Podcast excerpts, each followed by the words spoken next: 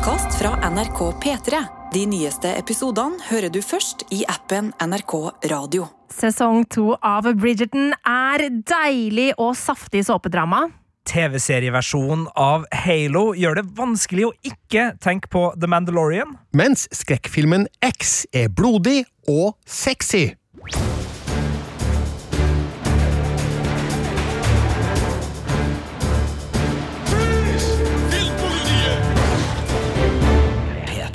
Her sitter Birger Vestmo, Marte Hedenstad. Og Sigurd Vik. klar til å fortelle deg om nye høydepunkt på kino- og TV-skjermen. Og det er skjermen vi skal til først, Marte. Det er det nærmere bestemt Netflix, for familien Bridgerton er tilbake.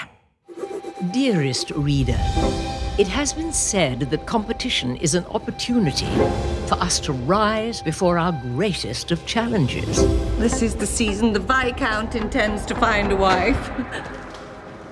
You honestly just did that. I believe I did. It is only out of the greatest love of my family that I aim to choose a bride with my head and not my heart. But any suitor wishing to gain an audience with Miss Edwina Sharma must first tame her sister. The sister. The sister. Ok, Marte. For en som ikke fikk med seg sesong én, hva er greia med Bridgerton? Det som er greia med Bridgerton, er at dette her er en eh, TV-serie som virkelig mesker seg i alt som handler om romantikk, eh, om liksom såpedrama, om intriger og alt som hører med. Eh, og det her er jo eh, basert på en bokserie skrevet av Julia Quinn. Eh, og det som er så utrolig deilig med Bridgerton, da, er at Eh, hun skriver jo i en sjanger, i en litteratursjanger, som er ofte litt sånn sett ned på. Uh, altså, uh, i, hva er det de kaller det? Eh, historisk romantikk. Um, og i likhet med altså, fantasy-romantikk eh, og litt sånn kiosklitteratur i romantikksjangeren, så er jo det litt sånn der annenrangs kulturinnhold, ikke sant? Altså, det blir litt sånn rynka på nesa på. Eh, men det driter Bridgerton i. Eh, Dette er en serie som omfavner og hyller alle klisjeer fra sjangeren. Enten det er liksom sånn derre Altså, de ser på hverandre med intense blikk. Det er sånne fingre som sitter etter hverandre for å berøre hverandre. ikke sant? Sånn nærbilder av hender og fingre som liksom bare må ta på hverandre. Og det er den typiske tropen 'fiender til elskere' som går igjen. Og sesong én eh, gjorde det jo meget godt på Netflix da den kom. Var det eh, eh, jula i fjor? Det var jula 2020, eh, og da var, eh, ingen av oss anmeldte jo den da, fordi den kom i juleferien. Eh, men jeg satt jo og så på den hjemme, faktisk sammen med mamma, som var litt kleint ut- ut- uti der. Men, fordi det er jo en del sånn dampende sexscener i Bridgerton, men den tok jo oss med storm. Og det tror jeg har veldig mye å gjøre med at den nettopp er så eh, ikke-unnskyldende. Altså, den, eh, den lar seg være det den forsøker å være, og det tror jeg har veldig mye med hvem som står bak den serien her. Eh, det er jo Shonda Rhimes som er produsenten, eh, og hun er veldig stor fan av forfatteren. Så hun har jo på en måte gått etter å få laga denne bokserien til å bli TV, og har liksom gått all in på det, og har da fått med seg sin faste samarbeidspartner Chris Van Dusen til å gjøre det. Sånn at eh, det er laga eh, med hjertevarme for sjangeren, og det skinner veldig gjennom. Fordi der hvor en del andre Altså sånn ofte når eh, Det er et stort marked for romantikk av denne typen. Og ofte når eksempel Netflix eh, skal lage noe i denne sjangeren her, eh, eller andre typer sjangere som de vet å utnytte, så kan det oppleves som litt kynisk. Fordi at eh, ok, vi tikker alle disse boksene eh, for å kapre et visst publikum. Eh, Bridgerton kaprer et visst publikum. Eh, meg, for eksempel. Eh, men den gjør det med varme.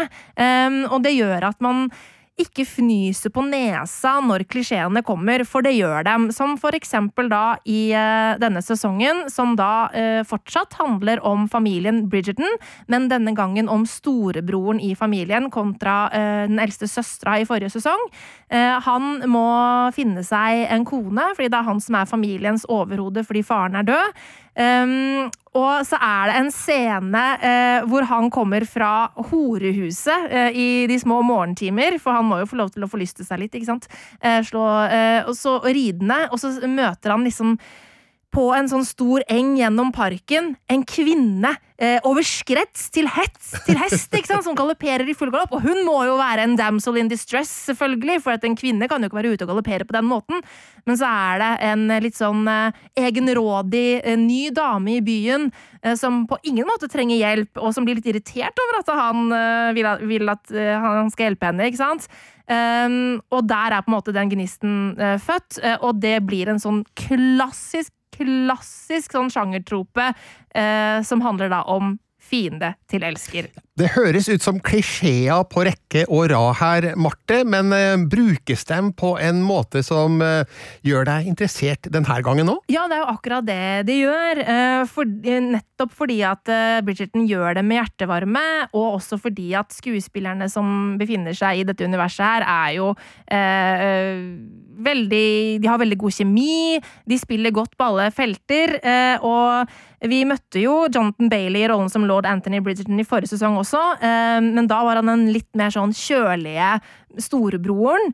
Eh, Når han nå får større fokus på seg sjøl, så får vi jo lov til å oppdage eh, hvorfor han kanskje virker litt kjølig, og det handler jo da eh, selvfølgelig, som det jo ofte gjør i denne sjangeren, eh, om noe som har skjedd han i barndommen, eh, som preger han. Og det dykker vi også tilbake i, i likhet med i, i forrige sesong, hvor det da var Red J. Sean Page som spilte den mannlige hovedrollen Simon Bassett, så dukket vi jo tilbake i hans fortid i flashbacks. Det gjør vi nå da for lord Anthony også i denne sesongen. Første sesongen hadde jo også en lekenhet, både i musikkbruk og med fortellerstemme. Og så er det videreført, og smaker det fremdeles eh, den samme Bridgerton-smaken i sesong to? Det gjør jo absolutt det. Og som vi hørte på lydklippet her, jeg vet ikke om dere dro kjensel på stemmen som var den voiceoveren, det er jo Julie Andrews, eh, som da voicer det som er det heiteste sladrebladet eh, som foregår da i sosieteten i England. Jeg har jo ikke sagt det ennå, men vi, det foregår på 1800-tallet ved hoffet, det engelske hoff.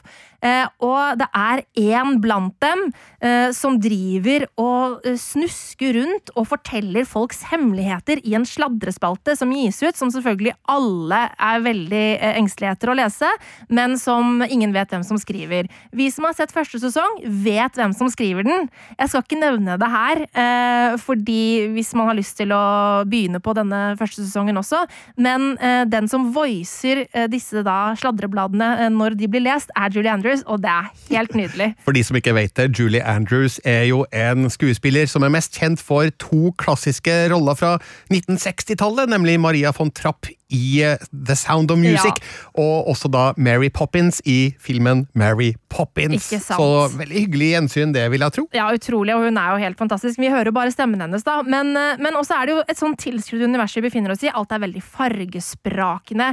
Eh, alt er veldig overdådig, i enda større grad enn det var eh, på 1800-tallet. Og det er en mye større lek med farger når det kommer til klær og sånn.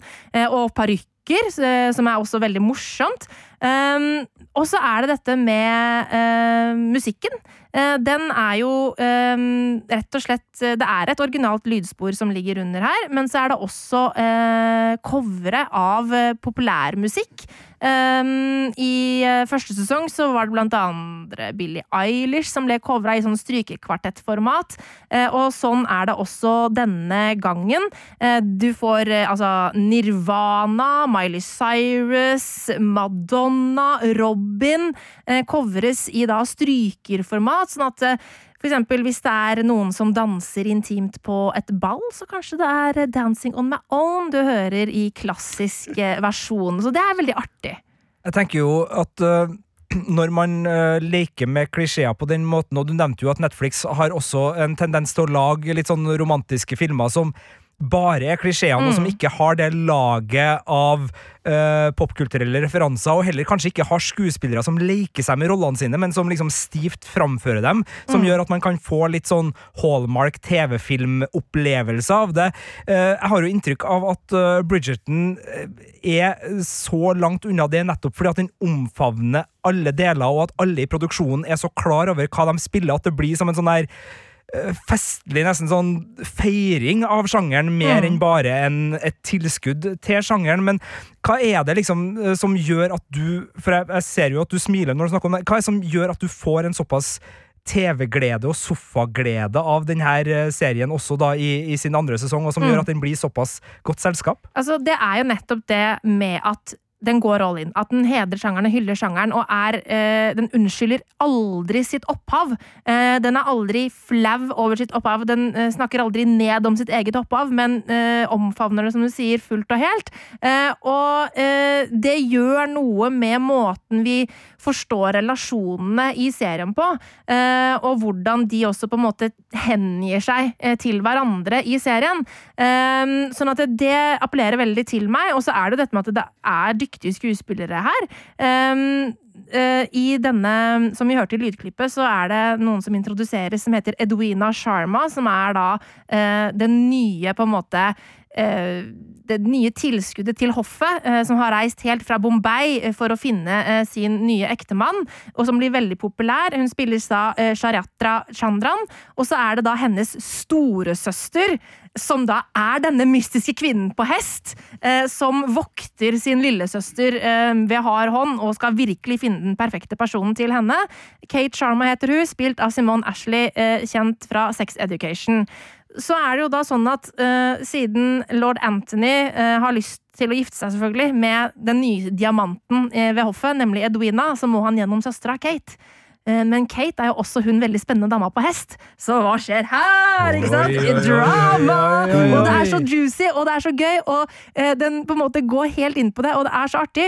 Og så er det jo også, ikke til å legge skjul på at eh, dette her er drama, det er såpe, men det er også en vittig snert. Det er et tilskrudd univers vi befinner oss i som er veldig morsomt, og der er spesielt Golda Roshwell utrolig herlig i rollen som Queen Charlotte, som er fullstendig obsessed med å finne ut hvem denne Lady Whistledown er, som skriver dette eh, brevet, og som er veldig sånn opptatt av at eh, alle ved hoffet skal se opp til henne som dronning. Marte, du nevnte sesong én at den inneholdt en del dampende sex. Ja. Og da lurer jeg på hvor dampende er sesong to? Altså hvor eksplisitt eh, snakker vi om her? Ja, det er, det er litt mindre sex i denne sesongen, tror jeg. Det er i hvert fall mitt inntrykk, men nå så jeg første sesongen sammen med mamma, så det kan kanskje prege meg lite grann. Eh, Men eh, det er en det er en litt mer sånn der tilbakeholdenhet i denne sesongen, opplever jeg. Men da på en måte blir det også enda heitere når det endelig skjer, ikke sant? fordi man går og venter på det. Det er veldig mye sånn eh, energi du kjenner på, mye intense følelser som på en måte aldri helt får sitt utløp. Helt til slutt så gjør det selvfølgelig det. Ikke sant? for det jeg lurer på er, kan jeg og samboeren min sitte og se på det her eh, eh, uten at det blir kleint om våre tenåringssønner går forbi akkurat idet Eh, noe skjer? Eh, det, det kan vel kanskje bli litt eh, kleint. Jeg anbefaler ikke å se Bridgerton sammen med dine tenåringsbarn. Eh, på ingen, på ingen, ingen måte. Det er fantastisk forbrukerjournalistikk eh, her, Marte. Men den siste biten jeg eh, skal spørre om, og, og det var litt det jeg også fisker etter i stad, fordi Mm. Det er jo eh, en del TV-glade tittere som er opptatt av estetikk. Og du som en som elsker Downton Abbey, og som også har kosa deg med The Gilded Age nå, jeg må spørre, altså eh, Kulisser, kostymer, den stilen, den kongeligheten som i hvert fall uh, tøyt ganske bra ut av Ja, sesong sesong ja. ja. er den fremdeles der? Og er det igjen en serie som også eh, gir godt eh, sofaselskap til dem som trives med den type eh, Ja, hva skal man kalle den estetikken? Altså, det, kongelig estetikk blir jo litt uh, feil Ja, her, altså, men, men det er altså jo den da The Regency era Ja. på 1800-tallet som vi befinner oss i, uh, med en snert. Fordi dette her er ikke et historisk korrekt epokedrama når det kommer til utseende og kostymer og sånn. Det er eh, det er satt i den tiden, men på en måte fått en slags moderne snert, akkurat når det kommer til eh, hvor overdådig det er, fargeskalaen som brukes, og paletten. Um, og det gjør at det oppleves som veldig friskt. Um, og alle omgivelsene det er Egentlig uh, så foregår jo altså Hoffets sesong, sånn på ekte, er jo uh, fra sånn oktober-november, var det. Det var på vinteren. I Bridgerton er det åpenbart sommer. Eh, eller sensommer, da. Så det, det, er, det, det er, frodig, det bugner. De har gjort alt for å få liksom, optimalisert ja. uh, utseendet til å, å, sprudle mest virkelig, mulig. Virkelig, virkelig. Uh, og, og, så er det jo Og det kler jo uh, dette universet veldig godt, fordi det også er skrevet med en sånn hum humoristisk snert. Og så er det jo også, når vi er inne på dette med farger, i denne serien så er det jo mennesker av alle mulige farger som er og spiller rollefigurene. Uh, Golda Roshwell, som spiller dronningen Charlotte, hun er brun i huden, og det er mange rollefigurer av ulike ja, opprinnelse i Bridgerton. sånn at det var jo noe som første sesongen både ble hyllet for, men også kritisert for. Fordi at eh, det er fantastisk med mangfold i TV-ruta, men det var en del som på en måte stilte spørsmålstegn ved om dette var den riktige måten å fronte mangfold på. Er det historieløst at man på en måte ja, sletter etter en del av eh, den vanskelige historien som er der, da, når det gjelder uh, hudfarge, uh, ved å på en måte bare late som at hudfarge ikke fins, hvis dere skjønner. Um, og det er ikke noe sesong to egentlig har tatt inn over seg i noe særlig grad, den kritikken. Um, den fortsetter på en måte i samme tralten, uh, men det er jo sånn at de to nye bidragene til sesongen, Kate Sharma og Edwina Sharma, er jo da indiske. De kommer fra Bombay, som det het eh, den gangen. Eh, og det er eh, drypp av indisk kultur inkorporert i denne sesongen her. Blant annet så er det jo, i likhet med da hvor vi får for eksempel Nirvana uh, i en uh, strykerkvartettversjon, så er det også Bollywood-musikk uh, med i, i denne sesongen i strykekvartettversjon, eh, og også mm, et lite drypp av eh, indiske ritualer, sånn at eh, det har fått litt mer på en måte preg av kultur, kanskje, som skiller seg fra den britiske kulturen på 1800-tallet. Men kan jeg forstå deg dit hen, da, Marte, at du syns at sesong to av Bridgerton, som er en vanskelig tittel å si Bridgerton, ja, Bridgerton, Bridgerton. Um, Heller et rimelig høyt nivå? Ja, altså, jeg storkoser meg jo med det. Men når det er sagt, tror ikke det hadde vært noe problem å slakte det her. Eh, fordi, fordi der, hvor jeg, der, hvor jeg, velger å på en måte omfavne det at Bridgerton omfavner klisjeene, eh, så kan det jo være at eh, hvis jeg hadde vært en annen anmelder, kanskje hadde kritisert Bridgerton for at den bruker alle disse klisjeene. ikke sant? Eh, sånn at eh, det er en smakssak. Eh, jeg elsker at den går all in, at den omfavner sitt opphav og ikke er flau over det. Og så er det jo sånn, selvfølgelig, det er ikke en perfekt serie. Det er noen intriger som på en måte kanskje får gå litt lenge og er litt treige før det får, sin, får sitt klimaks. men, men, jeg storkoser meg med det og syns at sesong to av Bridgerton er en nydelig femmer på terningen. Da skal vi over til en annen serie som eh, ja, er helt fersk, Sigurd. Ja, den uh, har eh, premiere på strømmetjenesten Paramount Pluss torsdag 24. mars med sin første episode. Navnet er nok kjent for veldig mange, for dette er basert på en meget populær spillserie, og jeg snakker da om TV-serien Halo. The Master Chief was enhanced and trained for one purpose. To win this war. He and the other Spartans are our only effective weapons against the Covenant. He is lethal, upgradable, and most importantly, controllable.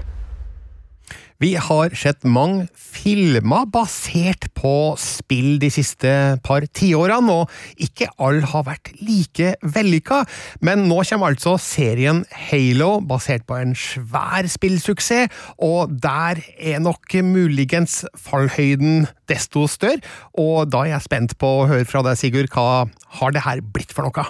Det har blitt en TV-serie som sikter sikte mot TV-underholdningens elitedivisjon når det gjelder denne type blockbuster-underholdning. Eh, Mandalorian er et forbilde. Man kan putte Game of Thrones oppi der, selv om det er mer sci-fi enn fantasy her. men det er nok den type serie Paramount ønsker å få til her. Steven Spielberg er jo også da med som produsent gjennom hans produksjonsselskap, så det er en, en stor fanskare, et etablert merkenavn, et stort budsjett i, i TV-sammenheng, og øh, ja, store ambisjoner her. Så skal det vel sies at den har brukt en del tid på å komme seg på TV-skjermen. Det har vel gått en tiårsperiode, så vidt jeg har skjønt, fra ulike uh, ideer har vært på papiret til det har blitt uh, lyst opp på, på TV-skjermen. Uh, og så er det jo også en serie som er basert på et spill hvor den nok ikke liksom ligger en klar fortelling som de bare skal plukke opp og fortelle i TV-serieversjon. De er nødt til å fortelle en ny historie, og det var derfor sånn at jeg har forstått det på produsentene at det her er en annen canon enn spill-canon. Det vil si, altså, den historien her er basert på spillserien, rollefigurene er de samme til en viss grad, men det er ingenting som skjer i denne TV-serien som påvirker handlinga i spillserien, og vice versa. Så her har de muligheten til å fortelle Halo-historier sånn som de ønsker da med TV-seriens og episodestrukturens muligheter. Før vi fortsetter å snakke om det her, så vil jeg bare ta en liten runde, for jeg må ærlig innrømme jeg har ikke spilt Halo-spillene. Marte Birger, har dere spilt Halo-spillene?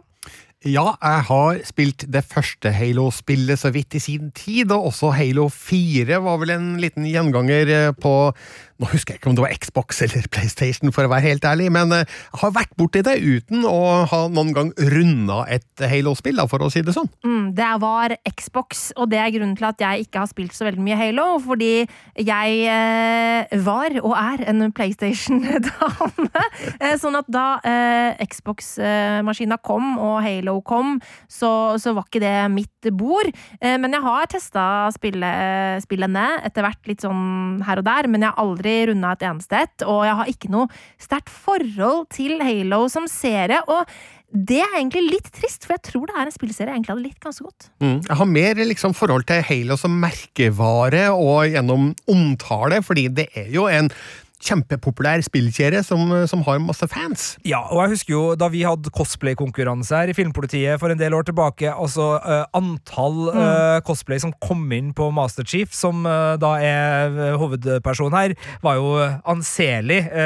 sånn oppå Selda-nivå anselig, og det er jo en ikonisk spillfigur med hjelm, som da også da kommer med sin hjelm her, og så er det jo noe med at en hjelmkledd helt Eh, og som da skal vise seg å treffe på en ung person, eh, og så drar de på eventyr i galaksen sammen det er vanskelig å ikke kjenne på The Mandalorian-vibben uh, under Halo. Og det er en uh, serie som både i historie, i um, troper, i stil, lener seg på ganske mye vi kjenner fra før. Altså Her er det litt Star Wars, litt Star Trek, litt Battlestar Galactica til og med litt sånn fantasy à la Ringenes herre, for det er litt sånn, kanskje ikke magi her, men det er noen noe mystiske krefter eh, som foregår. Og så er det da storpolitikk og uh, ulike uh, interesser og kamp om ressurser og alt sånt. Så, så det blir en en ambisiøs verdensbygging, men delene består av både ting vi har sett eh, før i andre serier, og også scener som ligner ting vi har sett før. Men jeg liker allikevel starten. Jeg har sett de to første episodene av det jeg tror blir ni eller ti episoder totalt. Litt uh, usikker på, på, hva som blir enden der. Og, og, første episode er da nå ute på Paramount Plus, og det starter da med at uh, vi er på en opprørsplanet. Ja, tenke seg til. Ja. Litt sånn uh, sandaktig opprørsplanet. Er den sandaktig? Uh, ja, det er litt sånn, men det er mer enn bare sand. Det er ikke en ørkenplanet, okay, okay. men det, det, det, er en del sand der. Kanskje mer Mad Max enn uh, Star Wars akkurat der, og ikke Dune, men, men ja, vi er på en planet hvor en opprørsgruppe forbereder seg på å, at det skal komme et angrep fra The Covenant, som da er en samling romvesen som er i krig med menneskeheten.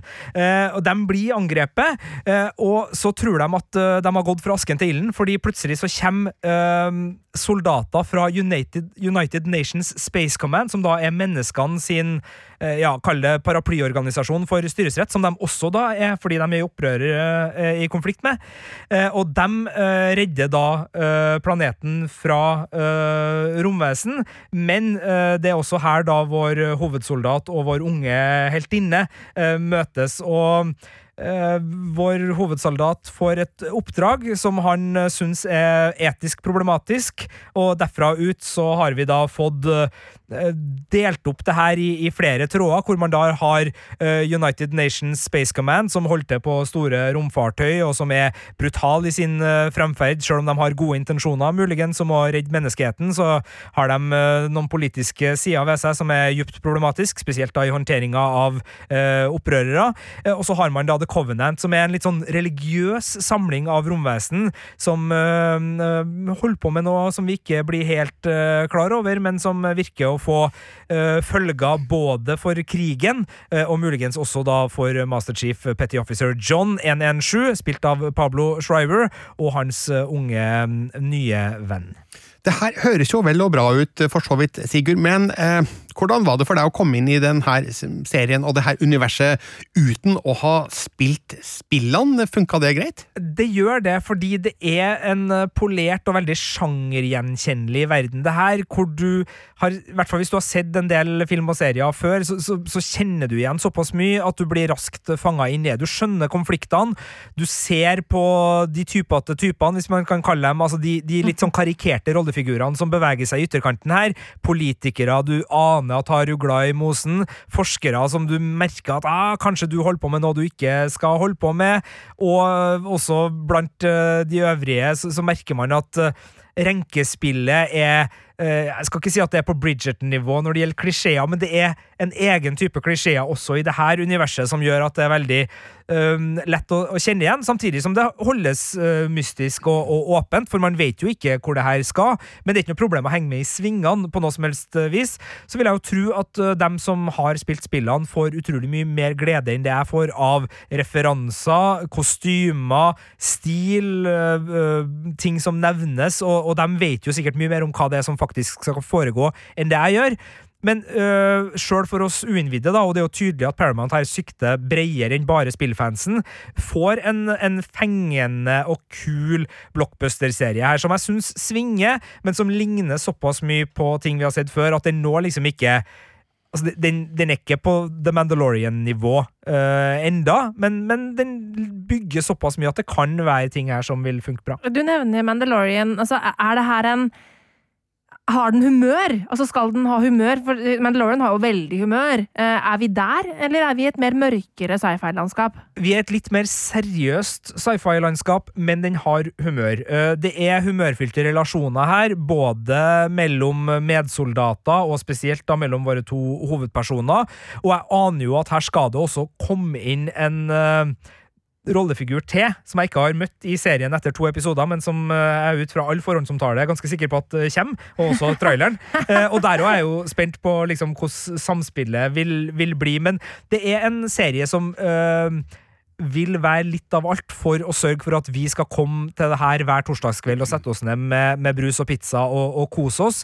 Det er som en øh, Eh, relativt påkosta popkorn, fantasy, sci-fi-film, eh, det her. Delt opp i, i timesepisoder og presentert med eh, ganske brutale slagscener. Eh, altså, det her er ikke mild eh, kost. Det er eh, høy barnedødelighet eh, i actionsekvensene, og det er blodsprut, så, så, vær advart. Hvis du har en veldig tander actionmage, så er Halo ver mye verre enn det Star Wars har vært. ja, eller for så vidt, det skjer jo ting i Jedi-tempelet i Star Wars også, så hvis man hvis, leser mellom lysavlene hvis, hvis, vi skal telle antall Ja, ja, det, det, er, klart. Det er klart. Men, og, det, og, det, gjør vi i Filmpolitiet. Vi er veldig opptatt av barnedødelighet. Og vi, nei da, det gjør vi ikke. Men du innleda med å si at eh, Halo sikter mot eh, TV-underholdningens eh, eliteserie. Men greier de å komme seg dit, basert på det du har sett fram til nå? Den har en, en jobb å, å, gjøre. Altså, hvis vi tar for eksempel da Uh, Game of Thrones og pilotepisoden. Og det er jo det vi har lite å gå på her, men altså, mm. altså pilotepisoden til Game of Thrones og en del andre av de mest vellykka prestisjedramaseriene har alt du trenger uh, for å liksom skjønne veldig mye av seriens kjerne. Hvorfor det er en TV-serie, hva denne TV-serien skal, hvem rollefigurene er. Det er godt mulig det vil vise seg at pilotepisoden til øh, Halo også har mer enn jeg klarer å registrere ved første gjennomtitt, men den er litt for generisk og litt for generell til at jeg liksom helt klarer å skjønne hvilken serie det er jeg har framfor meg nå. Det er ikke en, et anslag som umiddelbart gjør at jeg sitter med en følelse av at å, det her er storhet, det her er noe episk på gang. Jeg sitter med en følelse av at det her kan bli helt streit. Eh, Det blir neppe dårligere enn helt streit, eh, men det skal litt til for at det her skal løfte seg opp til et nivå hvor jeg virkelig blir begeistra. Men når det er sagt, eh, det her er en terningkast fire-serie fra meg. Jeg ser den har fått litt hardere medfart andre plasser, både i norsk og internasjonal presse, men jeg syns det her er solid laga underholdning for oss som liker ukentlige doser av denne type popkornunderholdning. Om det blir en tenkende sci-fi-serie, sånn som The Expanse utvikla seg til å bli. Og, og The Expanse er en litt sånn interessant parallell her, fordi det var en serie som var noe i første sesong, og som ble noe annet utover, og det kan nok fort skje her òg. Det er allerede eh, godkjent en eh, sesong to av Halo, og hvis publikum kommer, så tror jeg nok det kommer til å komme eh, krefter inn her som, som vil gjøre det stort, og det er klart Spielberg sitt navn er klistra på her. Jeg vet ikke i hvilken grad han har vært involvert så langt, men eh, han er nå i hvert fall med, og det er klart hvis man har slike ressurser rundt seg, og det blir uh, en fankultur, så, så ja. Uh, himmelen er grensen, er det det heter på The norsk? sky's the limit. Ikke sant, ikke sant.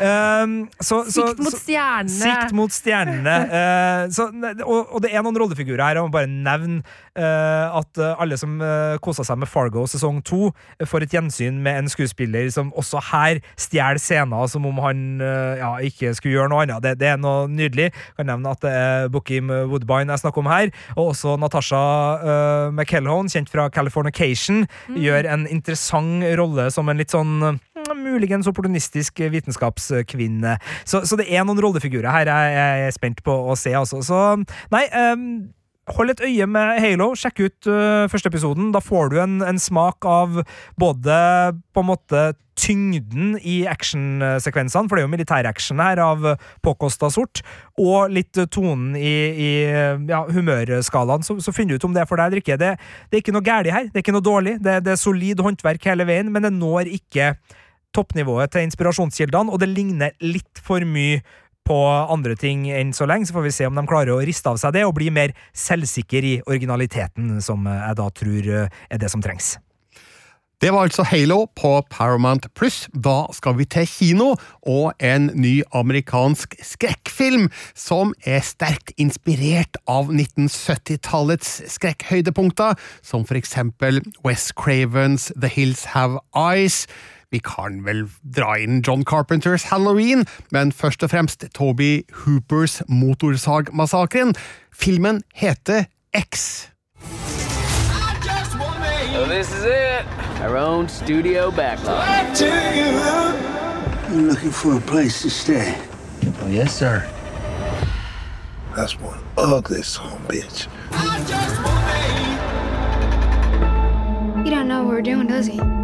Well, it's better to beg for forgiveness than ask for permission. Would you like to come inside? X, for den som lurer på tittelen, det er jo en gammel aldersgrense som ble brukt i USA fram til 1990. Det var liksom den aller høyeste aldersgrensa forbeholdt de aller verste og blodigste voldsfilmene, samtidig som eh, den ble omfavna av den amerikanske pornoindustrien, som jo ikke hadde noe med Motion Picture Association of America å gjøre, dem som setter aldersgrensa på kino, men de, de brukte gladelig denne X-grensa for å markere at eh, her er det saftige saker, folkens. Kom dere på pornokino! Eh, Men så gikk jo den av moten fordi de seriøse filmene som fikk X klistra på seg, ble jo da automatisk assosiert med pornofilm, og da ville ikke kinokjedene i USA sette opp de filmene. Så i stedet for så fant eh, MPAA opp en ny aldersgrense da, som heter NC17 som ikke brukes veldig ofte, den eh, heller, men jeg så at eh, den eh, kommende filmen om Marilyn Monroe med Ana de Armas i hovedrollen faktisk har fått NC-17. Det er på grunn av sex. Det er garantert av sex. Ja, du, du tror du kjenner USA såpass godt at du Ja. regner med at det er Sex er alltid verre enn vold når det kommer til USAs Men- etikk. Ja, For det er den amerikanske 18-årsgrensa du, du på en måte henviser til. Når Ja. du, hva kalte du den? X. Ja, Ikke filmen, men eh, aldersgrensa. N NC17. NC17. Ja, det, det- er den man skal lete etter. Ja, altså. no, no Children. Uh, strek 17 for 17-årsgrense, vil jeg anta at det betyr, da. Men uh, X er jo da en film som kombinerer både blodig vold og porno, så her får du i buksesmekk. I pose og buksesmekk. Eh, og um, regissøren bak heter Ty West, og han gjorde seg bemerka for ca. 10-12 år siden med et knippe skrekkfilmer som fikk god mottakelse blant fansen, nemlig The House of the Devil og Cabin Fever 2, som begge kom i 2009, og også The Innkeepers, som kom i 2011. Eh, Nå nylig har han eh, stort sett uh, jobba med TV-serier, eh, en episode fra mm, Tales from the Loop og to episoder av Them. Men nå kommer han altså tilbake med en eh, helaftens eh, spillefilm, som det het i gamle dager. Og eh, jeg bruker overskrifta 'blodig, saftig og sexy skrekk og gru' i min anmeldelse, som er utstyrt med en firer på terningen. Som eh, ofte er den høyeste terningen en slik skrekkfilm kan få. Eller en slik type sjangerfilm kan få. Eh, Så her er det mye godteri å hente for de som er glad i sjangeren. Og eh, som jeg nevnte før, lydklippet den er inspirert av de gode, gamle sjangerklassikerne fra 1970-tallet, og først og fremst Toby Hoopers Motorsagmassakren. Det kan nok virke som at Ty West har rett og slett kopiert veldig mye av Motorsagmassakren, bortsett fra at det ikke er noen motorsaga med. Men det starter altså med en eh, gjeng på tur i Texas i en van. De stopper ved en bensinstasjon som virker litt sånn luguber, og mm, ja, de som kjenner Motorsagmassakren, vil jo kjenne igjen alt jeg har beskrevet fram til nå. Og så kommer de etter hvert til en avsidesliggende gård i Texas, med noen beboere som kanskje skal vise seg å være litt spesielle, og også det rimer jo godt overens med Motorsagmassakren. Men forskjellen her er jo at eh, denne gjengen har oppsøkt gården av egen fri vilje. De har nemlig leid seg inn der for å ha en billig location for en pornofilm. Eh, året er 1979, og eh, hjemmevideomarkedet er i ferd med å ta av i USA. Det er vel helt i startfasen rundt den tida, og eh, de ser da muligheten for å spille inn en veldig billig pornofilm og tjene store penger på hjemmevideomarkedet.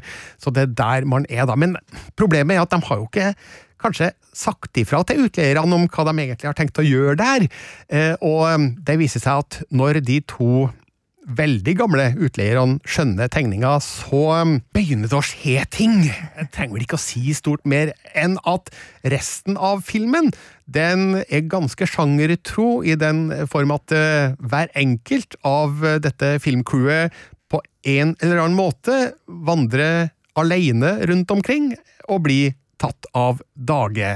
Skulle jeg satt på en spoiler-alert der? Nei, det tror jeg ikke du trenger, for det her er jo altså, Det er jo det man forventer, er det ikke det? Når man går og ser en sånn her type film, at eh, alle skal dø.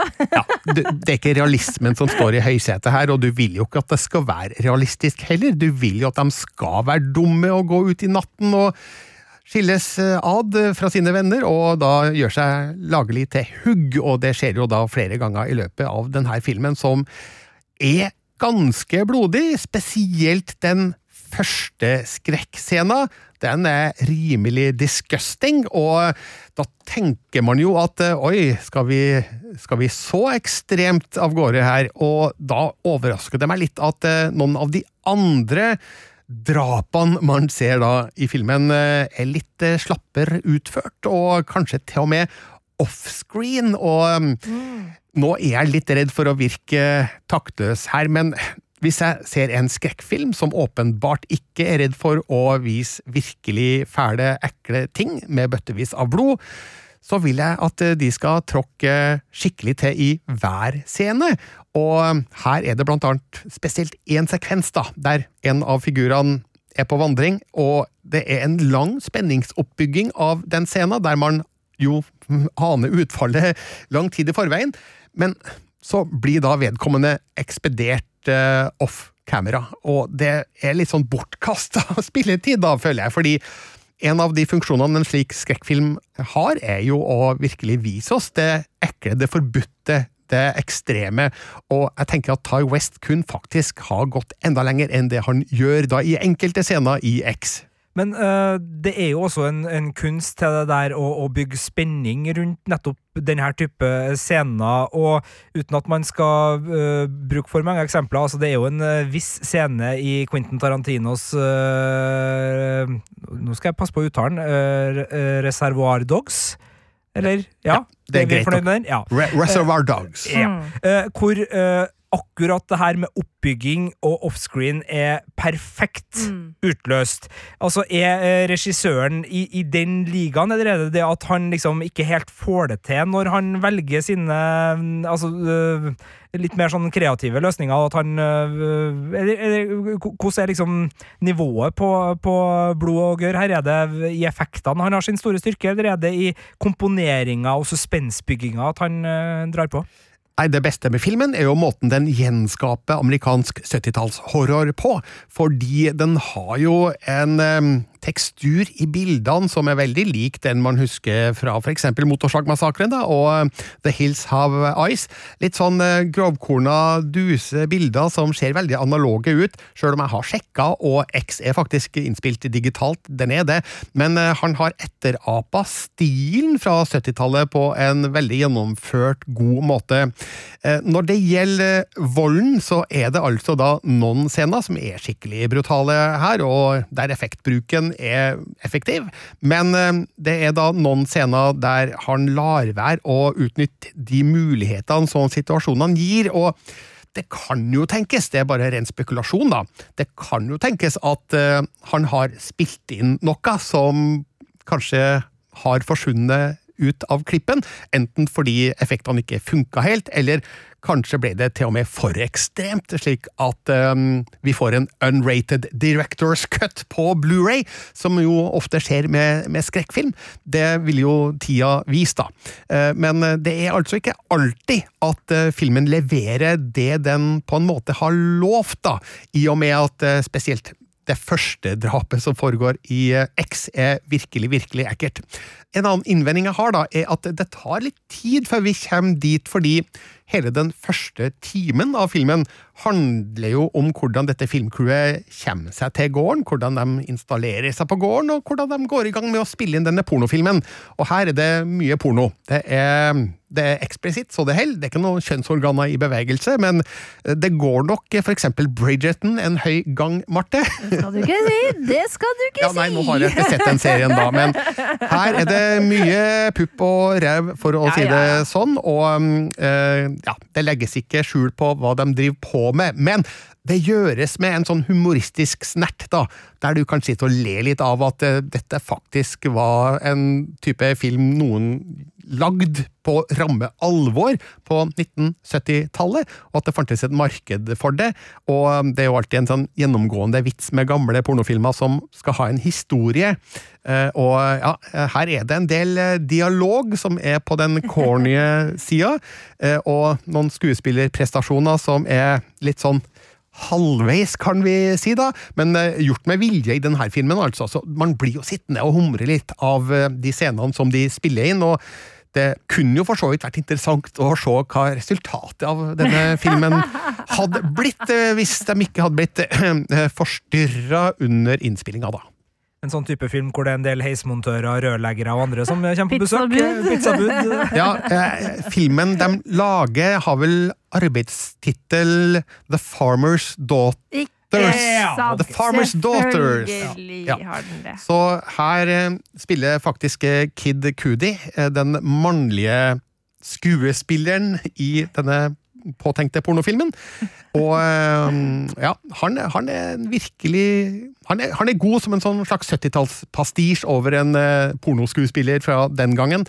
Eh, og han har et utstyr, kan jeg si, som vi ikke får studere veldig nært. Det er ikke, det er ikke som i Boogie Nights eller i Licorice eh, Pizza, der man jo får se ting Nei, ikke Licorice Pizza, men eh, herregud um, Red, Red, Rocket. Red Rocket, ja. Tusen takk skal du ha. Red Rocket sier jo alt.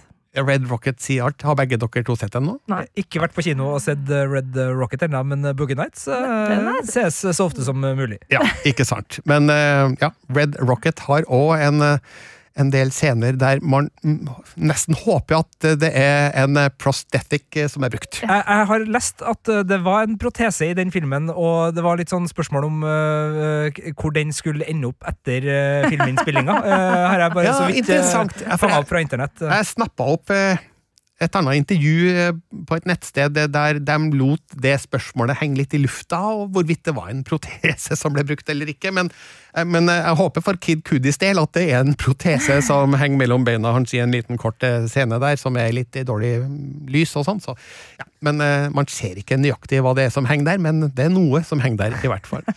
Ok, nå beveger vi oss langt inn på det, men um, i hvert fall så syns jeg at X gjør veldig mye bra, eh, spesielt for de som elsker god gammeldags amerikansk eh, horrorfilm.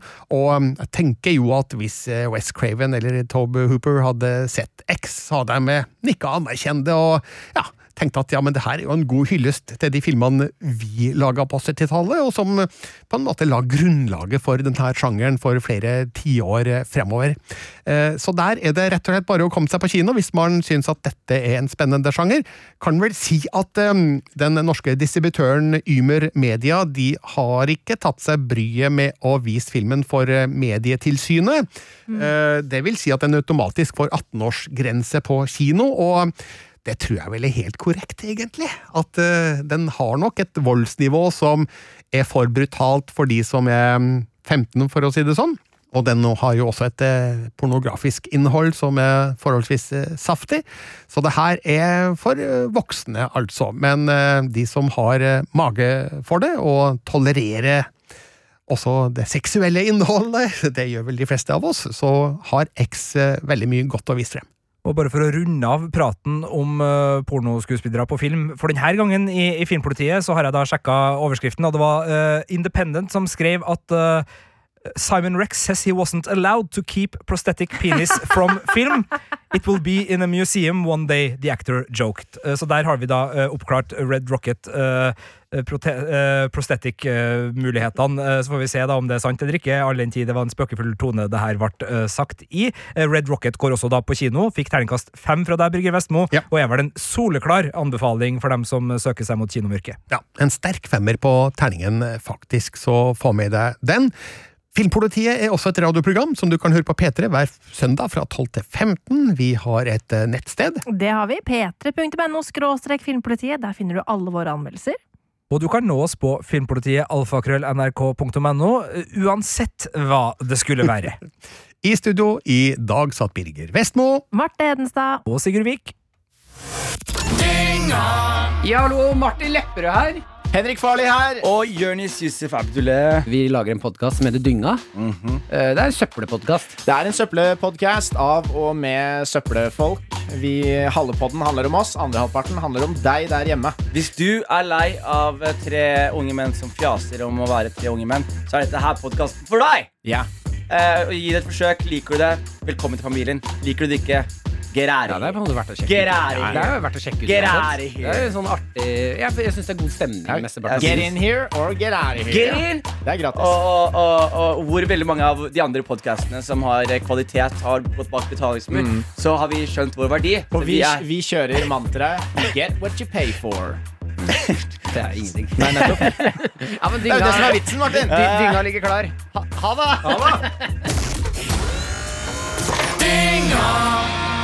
Dynga hver fredag på P3.